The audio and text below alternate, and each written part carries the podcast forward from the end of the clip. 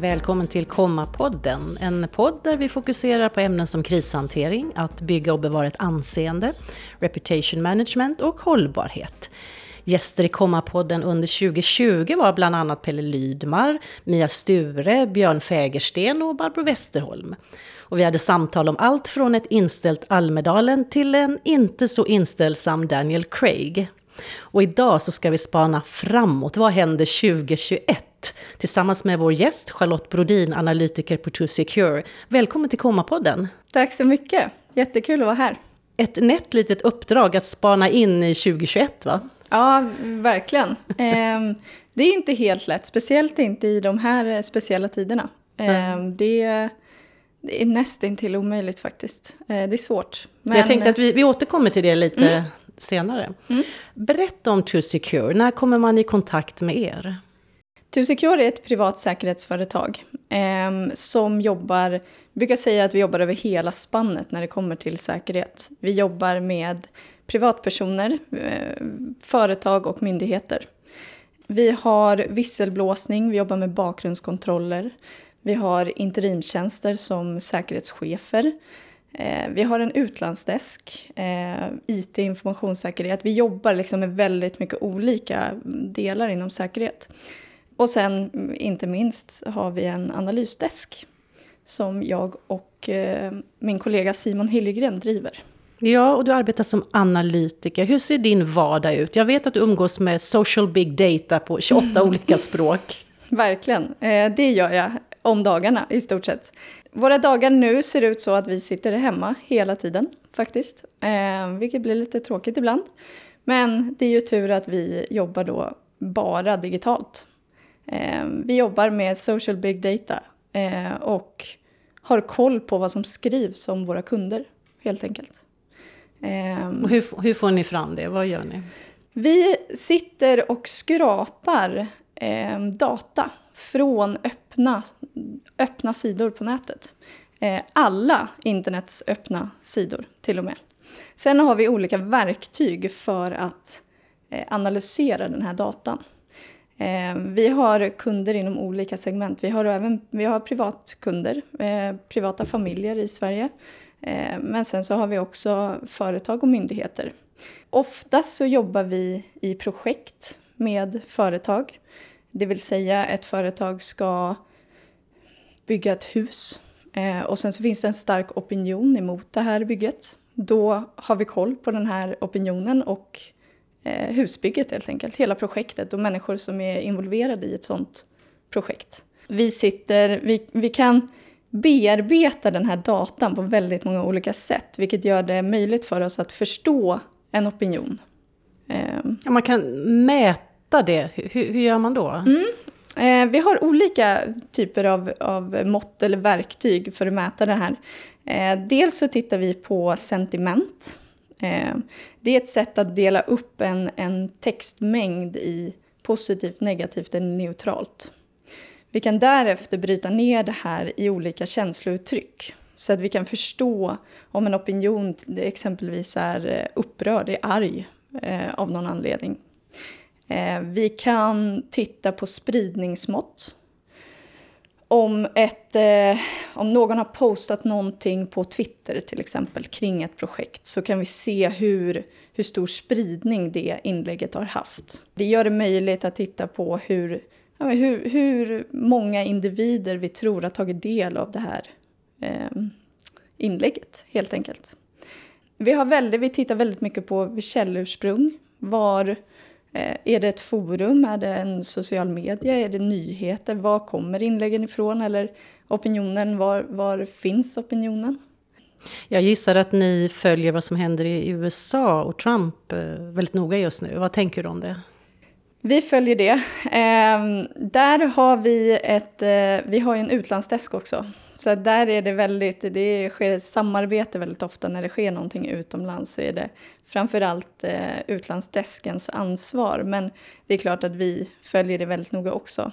Jag tycker att det är väldigt eh, vi har pratat väldigt mycket om, framförallt under 2020, att det här med att bilda nätverk eh, i forum är, blir större och större. Jag tror att det, det är en del av det vi ser i USA nu också, eh, med det här QANet.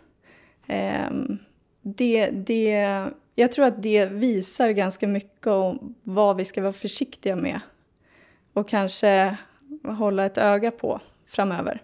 Det är de här nätverken som bildas i forum och sen faktiskt agerar på saker och ting som de tror på. Ja, det finns flera exempel på, på det, men jag tror att det, det tycker jag är en väldigt intressant vinkling på det som händer i USA just nu faktiskt. Finns det någon situation där det är vanligast att man kommer i kontakt med er? När det händer något. Absolut. Eh, när man kommer i kontakt med analysdesken så är det definitivt när det händer något. När man råkar ut för ett eh, mindre mediadrev kan man säga.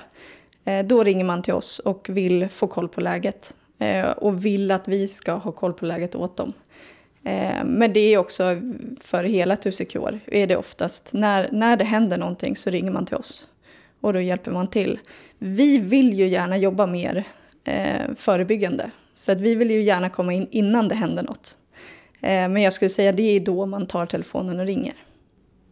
Det känner jag igen när man jobbar med krishantering. Ja, det förstår jag. Många pratar om omvärldsbevakning, men vad är omvärldsbevakning i din värld? Mm. Omvärldsbevakning i, i eh, min värld är, tror jag, lite annorlunda från vad det är i andras värld. Eh, speciellt när man pratar om omvärldsbevakning inom säkerhetssegmentet. Eh, vi, eh, vi tror väldigt mycket på transparens i det vi gör. Eh, vi är väldigt öppna med precis hur vi jobbar. Eh, vilka källor vi tittar i, eh, hur det går till, vad det är vi mäter och vad det är vi tittar på, vad det är vi hittar. Omvärldsbevakning i andra fall skulle jag säga, dels så kan man ju prata om det som en analys, en omvärldsanalys, att hela tiden ha örat mot rälsen, förstå vad som händer i vår omvärld. Eh, på olika sätt. I vårt fall så är det att ha koll på internet. Men jag tror att i många fall också inom säkerhet så är det väldigt eh, ganska hemlighetsstämplat liksom, att jobba med omvärldsbevakning. Det, man är, det ska gärna vara lite mystiskt. Eh, och det, det vill vi gärna jobba bort ifrån. Vi är väldigt transparenta med alla våra kunder. Eh, vi tror mer på det och det är därför vi gärna jobbar med kommunikation eh, på ett företag eh, kommunikationsavdelningen snarare än säkerhetschefen.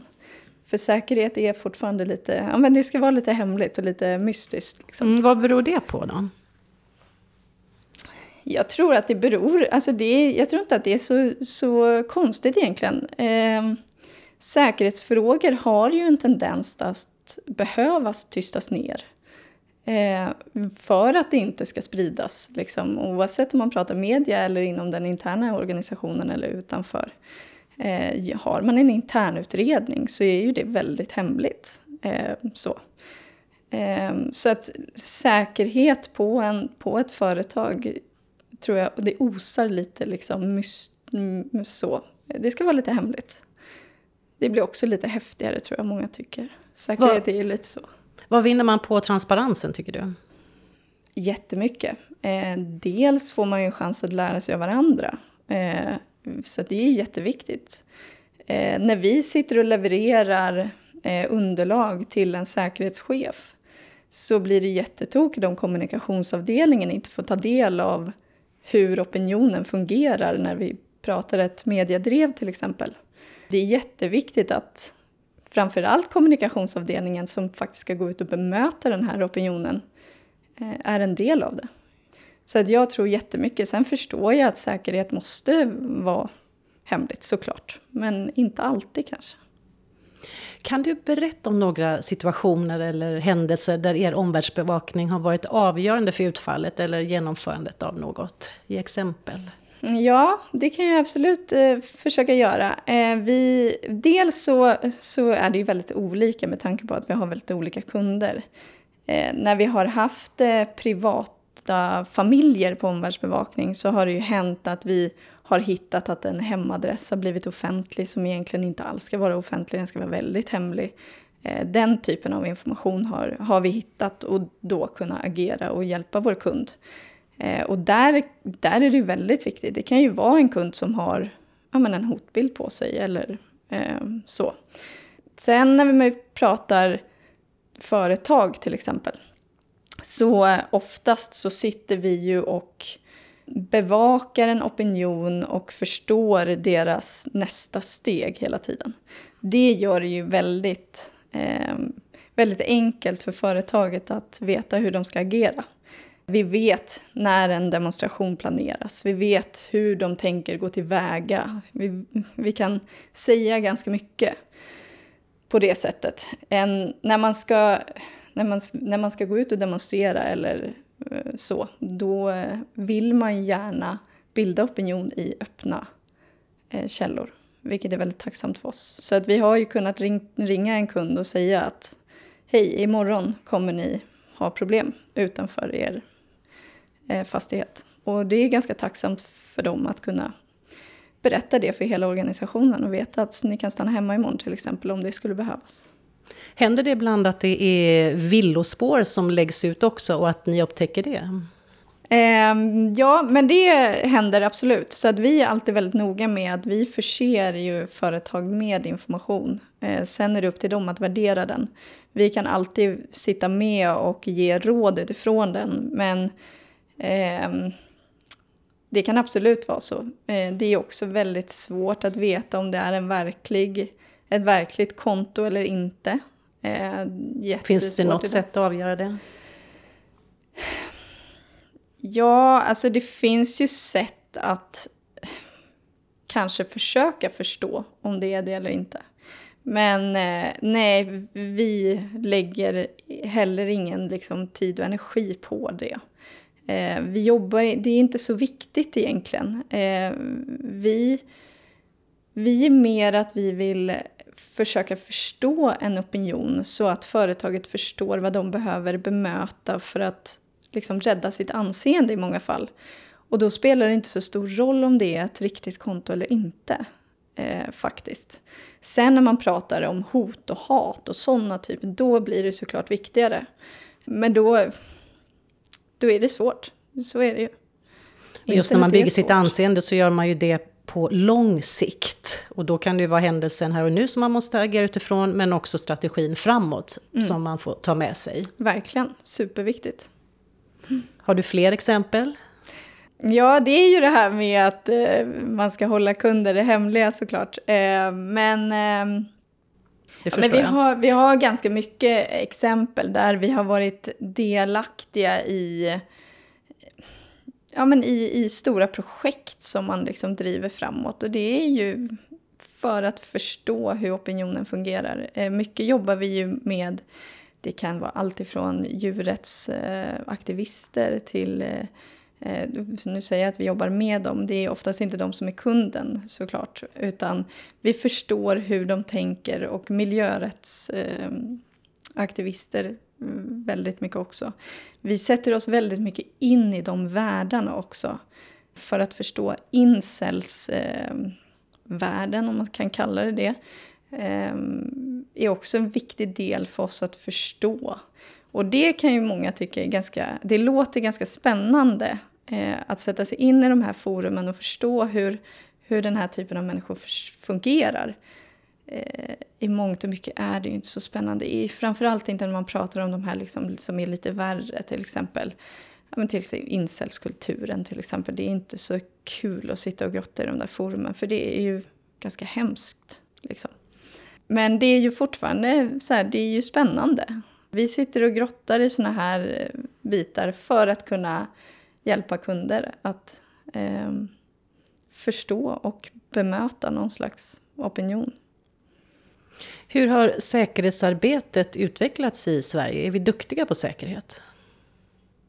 Min spontana reaktion är ju nej, eh, faktiskt. Eh, sen skulle jag vilja säga att, att det, vi är mycket duktigare idag än vad vi var bara för några år sedan. Så att jag tror att det går väldigt, väldigt fort fram. Men Sverige har ju fortfarande en kultur av liksom, ja, lite mellanmjölk. Man tror inte riktigt att det här hotet faktiskt står och knackar på dörren. Och det är väl, det behöver inte vara negativt. Men jag tror att det speglar ganska mycket om hur vi ser på säkerhet. Sen har det ju hänt så mycket nu senaste, bara senaste åren som gör att Sverige måste eh, börja sträcka på sig. Och, och, både myndigheter och företag och, och även privatpersoner såklart måste liksom börja tänka de här banorna på ett annat sätt. Så att nej, jag skulle säga att vi är väl inte superduktiga på säkerhet, men vi är absolut på god väg. Vi ska strax prata mer om att skydda sitt anseende, men hur benägna är vi i Sverige skulle du säga jämfört med andra länder att skydda vårt anseende? Till exempel som aktiv företagsledare eller politiker eller varumärken? Jag tror att det är väldigt viktigt för människor, men jag är inte så säker på att man förstår hur man ska göra det och vad det faktiskt betyder.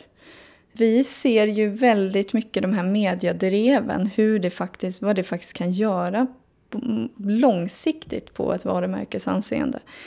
Och jag är inte så säker på att... Det är väldigt få företag idag, tror jag, som jobbar aktivt med eh, den typen av frågor faktiskt. Vi kan bli mycket, mycket bättre på det.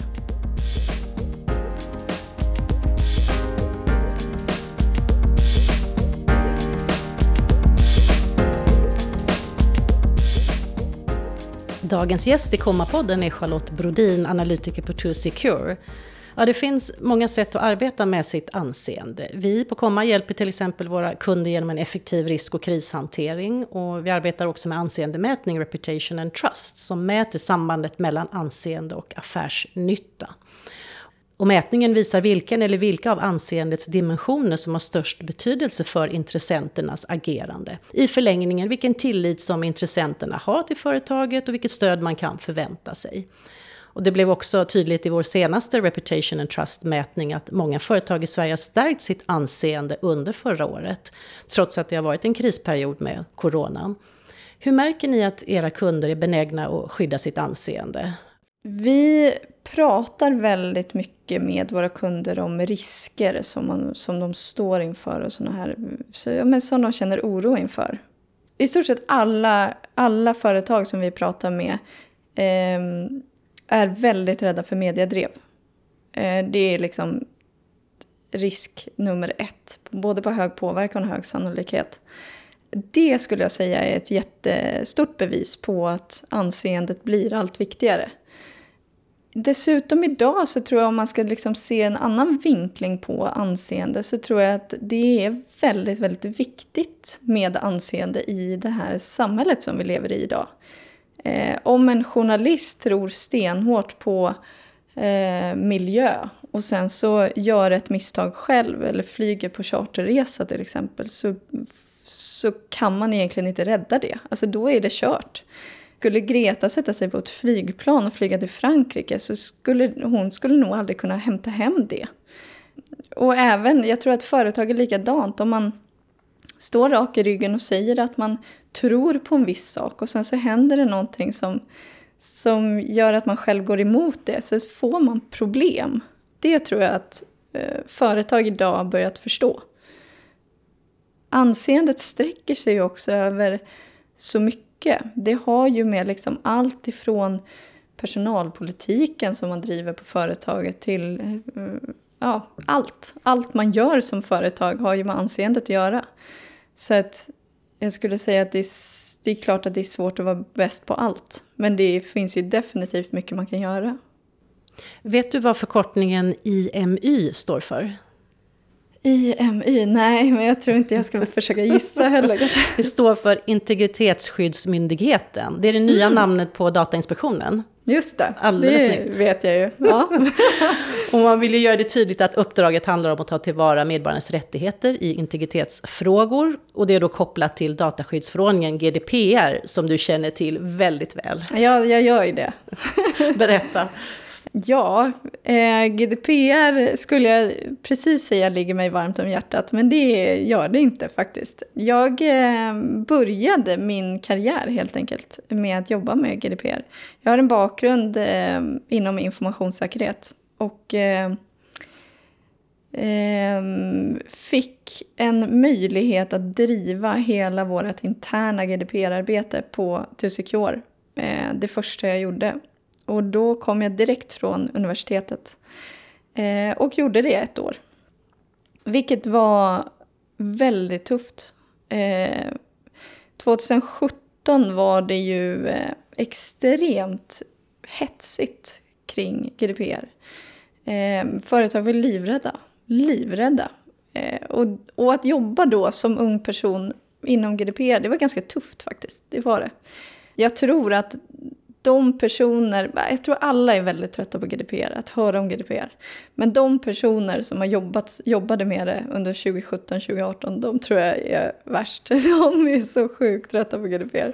Och som ung kastas in i det? Som ung kastas in i att driva ett projekt där ingen har svar på någonting. Eh, det var tufft, eh, faktiskt. Och inte ha någon att hålla i handen.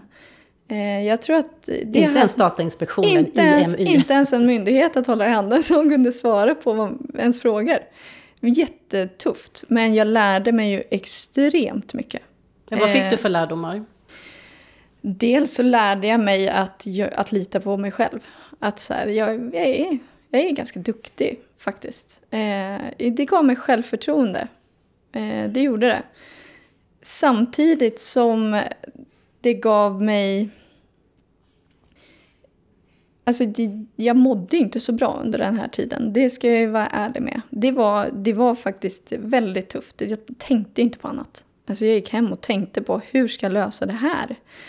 Ehm, stod på bandet på gymmet och tänkte på den där frågan. Hur ska jag svara på det? Och hur ska vi tänka? Och vad kan jag läsa? Och vem kan jag fråga? Och, ja, men du vet, det var ju, det var ju liksom pågående. Men dels så lärde jag mig ju allt om GDPR.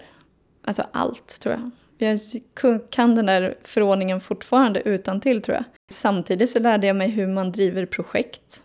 Hade jag gått tillbaka idag så hade jag gjort det annorlunda. Men jag testade. Eh, testade och funkade det inte så gjorde jag på ett annat sätt.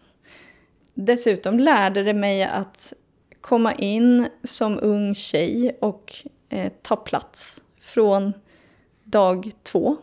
Eh, inte bara bland kollegor utan sitta med i, prata med ledningsgrupp och styrelse och såna här. Jag kastades ju in i vd-rummet direkt nästan. Så att det lärde mig ganska mycket, alltså väldigt mycket. Eh, även om det var väldigt tufft också. Så om man vill ha en eh, crash course så ska man välja en väldigt central fråga. ja. Som ingen kan ge svar på. Nej, verkligen. verkligen. Eh, jag stängde ner faktiskt min LinkedIn under den här tiden för att jag, fick så mycket förfrågningar i och med att alla behövde någon GDPR-expert. Fast den här GDPR-experten den finns ju fortfarande inte. För Nej, att det är så nytt. Vad händer idag? Och du har sagt också att man ska se ändå, försöka se positivt på GDPR. Det tror jag är nyckeln till att, eh, att frågan faktiskt prioriteras. Det ble, GDPR blev ju, blev ju inte riktigt eh, vad GDPR var värt att bli. Den, när det kom in så var det ju de här sanktionsavgifterna som man pratade om. Ehm, det gjorde att företag blev ju livrädda och tog tag i det utifrån rädsla. Snarare än utifrån att det faktiskt är ganska vettigt, det som GDPR säger. Ehm, jag tror att GDPR är helt nödvändigt. Helt nödvändigt. Jag menar, tittar man på PUL så var det, det väldigt få företag som överhuvudtaget pratade om PUL. Ehm, GDPR kom in och tog liksom över samtalet, även i kafferummet. Men man pratade om det utifrån att vad ska vi göra? Hur? Vad? Vad är det här? här vi, kan, vi kan faktiskt få höga böter. Men jag tror att så här, GDPR det är ganska vettigt. Eh, man ska tänka på vad man gör. Man ska behandla personuppgifter som att det är någon annans ägodel. Och det är det ju. Eh, det är en, faktiskt någon annans eh, ägodom som du behandlar. Eh, och gör du det och tänker du på det här, men då är det lugnt liksom. Det behöver inte vara svårare än så. Sen finns det vissa saker som du ska liksom ha på plats. Men det är ju också för att kunna visa att du tänker på det här eh, som någon annans. Jag tror, att det är, jag tror att man behöver, och jag tror att det kommer nu mer och mer, att man börjar förstå att det är, det är faktiskt en väldigt bra grej det här. Eh, men en bit kvar tror jag vi har. Jag tror fortfarande att det, säger man att man jobbar med GDPR så är, det, är man inte den första som man vill ta en kaffe med kanske. fortfarande lite knottrigt eller klump ja, i magen. Lite. När du inte jobbar så vet jag att ditt stora intresse är hundar. Ja, eh, jag vet inte, är det det? Ja, kanske. Jag har en hund. Eh, det är alltid, jag har alltid fått frågan, du vet när man får den här frågan, så här, vad är din hobby? Mm. Alltid haft så svårt att svara på den. Och sen så är det andra som säger, men du har ju en hund, det måste vara din hobby. Fast det är inte min hobby, det är ju på något sätt min vän liksom. Eh, och det är lite så jag ser på honom. Han hänger med mig överallt, hela tiden. Eh, börjar nu bli gammal, trött. Jag har en golden retriever som är en väldigt stor golden retriever. Eh, som snart är åtta år. Lugn, lunkar med. Fantastisk vän. Hundar är ju bra på att läsa av kroppsspråk, har du märkt det? Ja, verkligen.